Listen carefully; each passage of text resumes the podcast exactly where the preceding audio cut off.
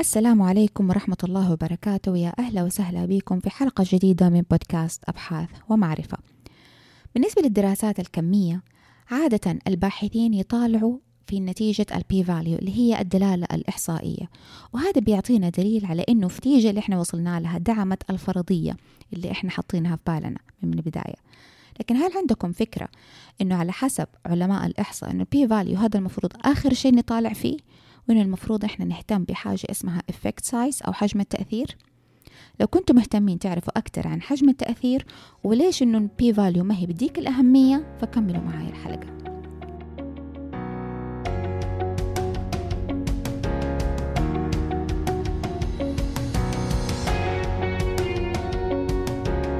للناس اللي كلها فضول إنها تتعلم شيء جديد. الناس اللي حابة إنها تبحر وسط الصعاب. عشان توصل للحقيقة إلا في آخر الطريق. ولأني زيكم أحب العلم وأستمتع بجلستي في كرس الدراسة راح أهديكم البودكاست ده اللي يتضمن خلاصة تعريفية بالأبحاث العلمية. بودكاست علمي والأهم إنه باللغة العربية. يا أهلا وسهلا بكم في بودكاست أبحاث ومعرفة مع مشاعل ديوان.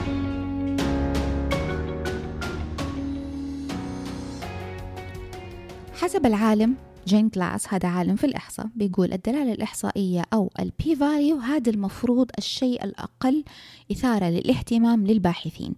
المفروض إحنا لما نجي نطالع في النتائج ما نطالع في قيمة ال p value ال p value إن هي تكون مثلا أصغر من صفر فاصلة خمسة أو صفر آه عفوا فاصلة صفر خمسة أو فاصلة صفر واحد. بل المفروض إن إحنا نطالع على مدى التأثير قوة التأثير. الشيء اللي شفناه. طبعا أنا من أول بتكلم معاكم عن اللي هو حجم التأثير أو ال effect size لكن يا ترى إيش هو تعريفه؟ في الإحصاء حجم التأثير هو اللي بيقيس قوة العلاقة بين المتغيرات اللي إحنا بندرسها. بمعنى أنا بدي أدرس فرق آه مثلا الدرجات بين فصل ألف وفصل باء.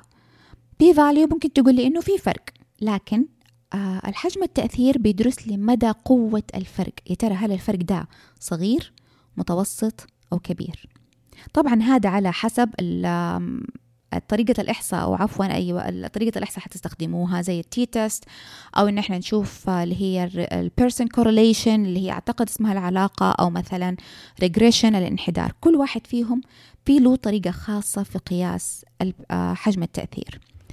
طيب ليه لازم إحنا نعرف مدى حجم التأثير؟ إيش يفيدني أنا كباحث؟ أول حاجة حجم التأثير اللي هو مفروض يكون النتيجة عفوا النتيجة الرئيسية للدراسة الكمية وهو هذا اللي أنت طالع له.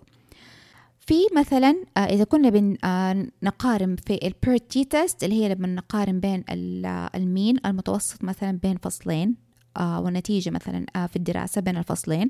في حاجة اسمها Cohen's d ال Cohen's d طبعا اللي فيه إذا كانت أصغر من فاصلة اثنين معناها صغير آه قوة مدى التأثير. إذا كانت أصغر من آه فاصلة خمسة معناها آه وصل فاصلة خمسة معناها متوسط وإذا كان أكبر من فاصلة ثمانية معناها هذا الشيء كبير. التأثير ده كبير. وهذا قلت لكم متغير ففي حاجة اسمها ال Pearson correlation ولها برضها أرقام مختلفة. وإذا كنا بنشوف ال meta analysis مثلا برضو لها طريقة تانية. لكن يا ترى إيش المثال وليش إحنا لازم آه، يعني كيف أقرب لكم قوة العلاقة بين هدول الاثنين. آه عفوا قوة كيف أقرب لكم مثال اللي هو حجم التأثير؟ فلنفرض أنا عندي المجموعة الأولى الفصل الأولاني أو المدرسة الأولانية ماشية على نظام تدريس معين اللي هو النظام, الأساسي القديم.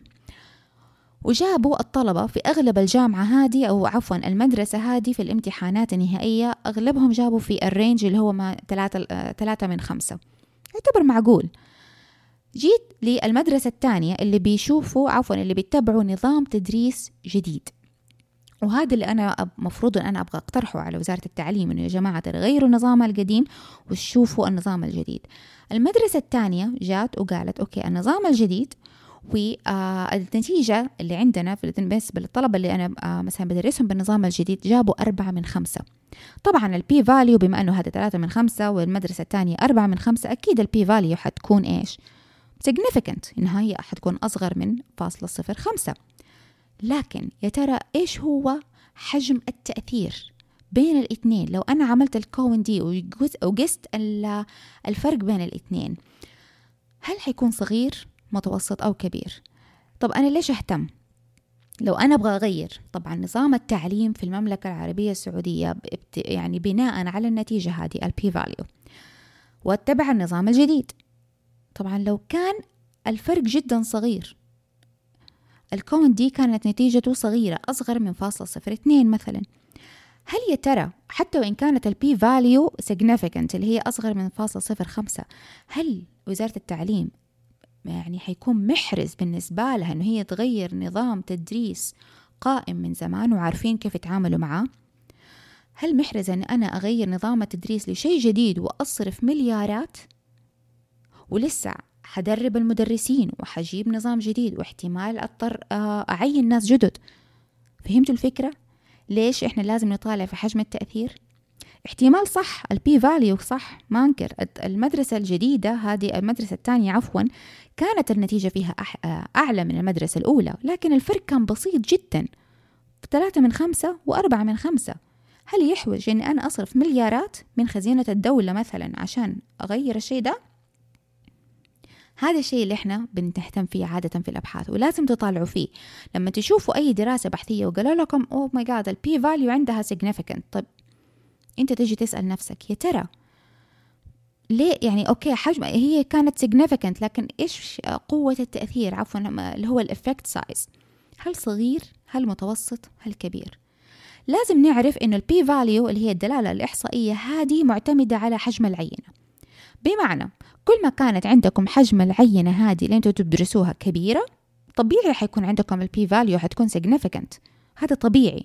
يعني لو أنا جيت عملت دراسة مثلا وجبت آه مليون مشارك من السعودية وأبغى أقيس مثلا آه مدى دلالة أي حاجة عندهم أي حاجة. مليون مشارك أنتم متخيلين العدد ده؟ طبيعي طبيعي. لازم في حاجة إنه حتكون p value فيها significant. هذا شيء متوقع لأنه ال p value يعتمد على حجم العينة لكن ال effect size حجم التأثير ما يعتمد على حجم العينة بس يعتمد على حجم العينة ويعتبر ك... ويعتمد كمان على قوة العلاقة بين المتغيرات.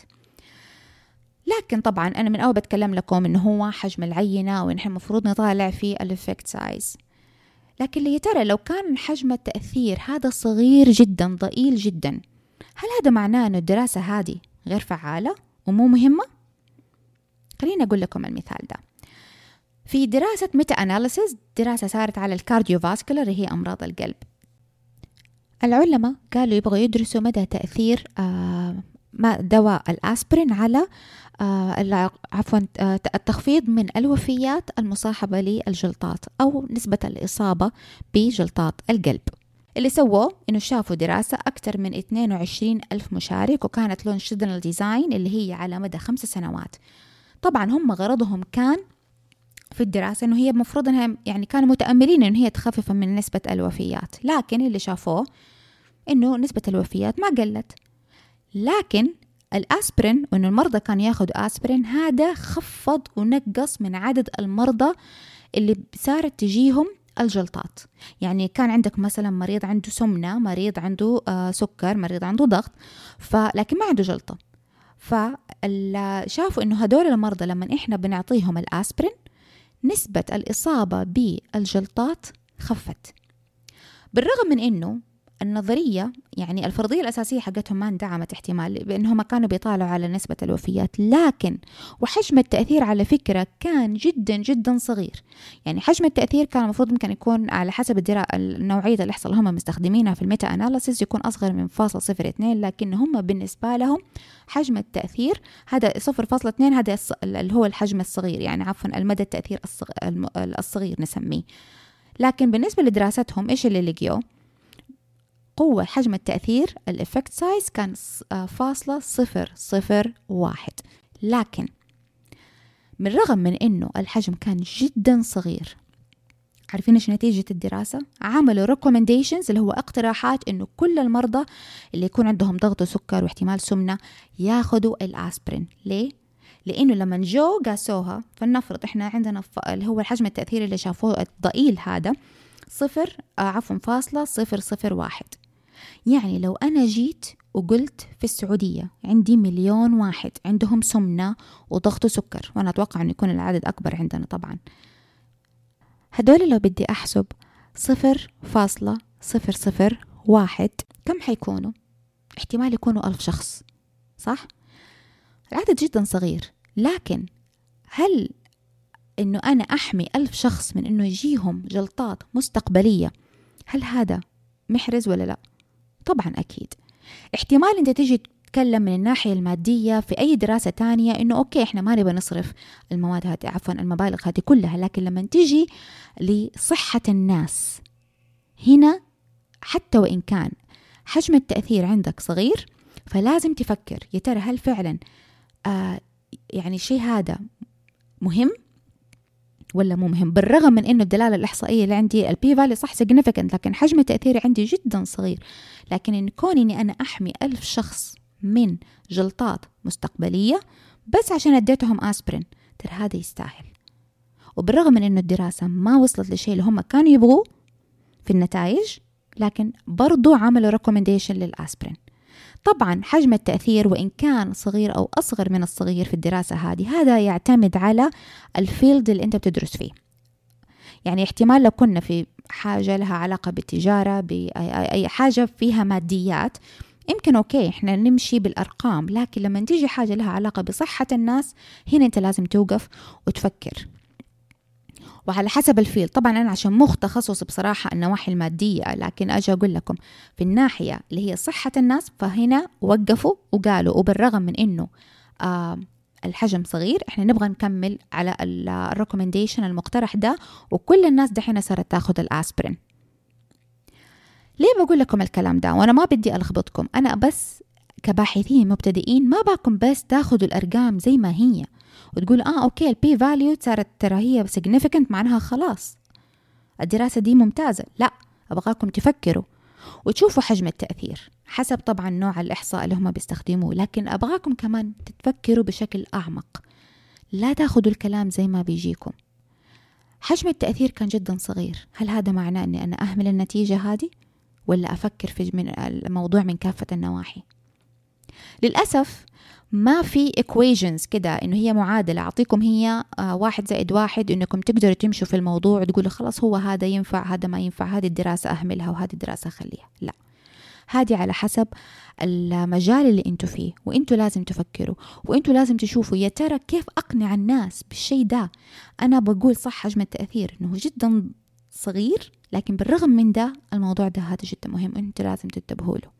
هذا دورك كباحث ودورك كباحثة. ولما تيجي نعمل دراسة بإذن الله وأنا عارفة أنكم حتعملوا دراسات مرة حلوة أباكم تفكروا فيه.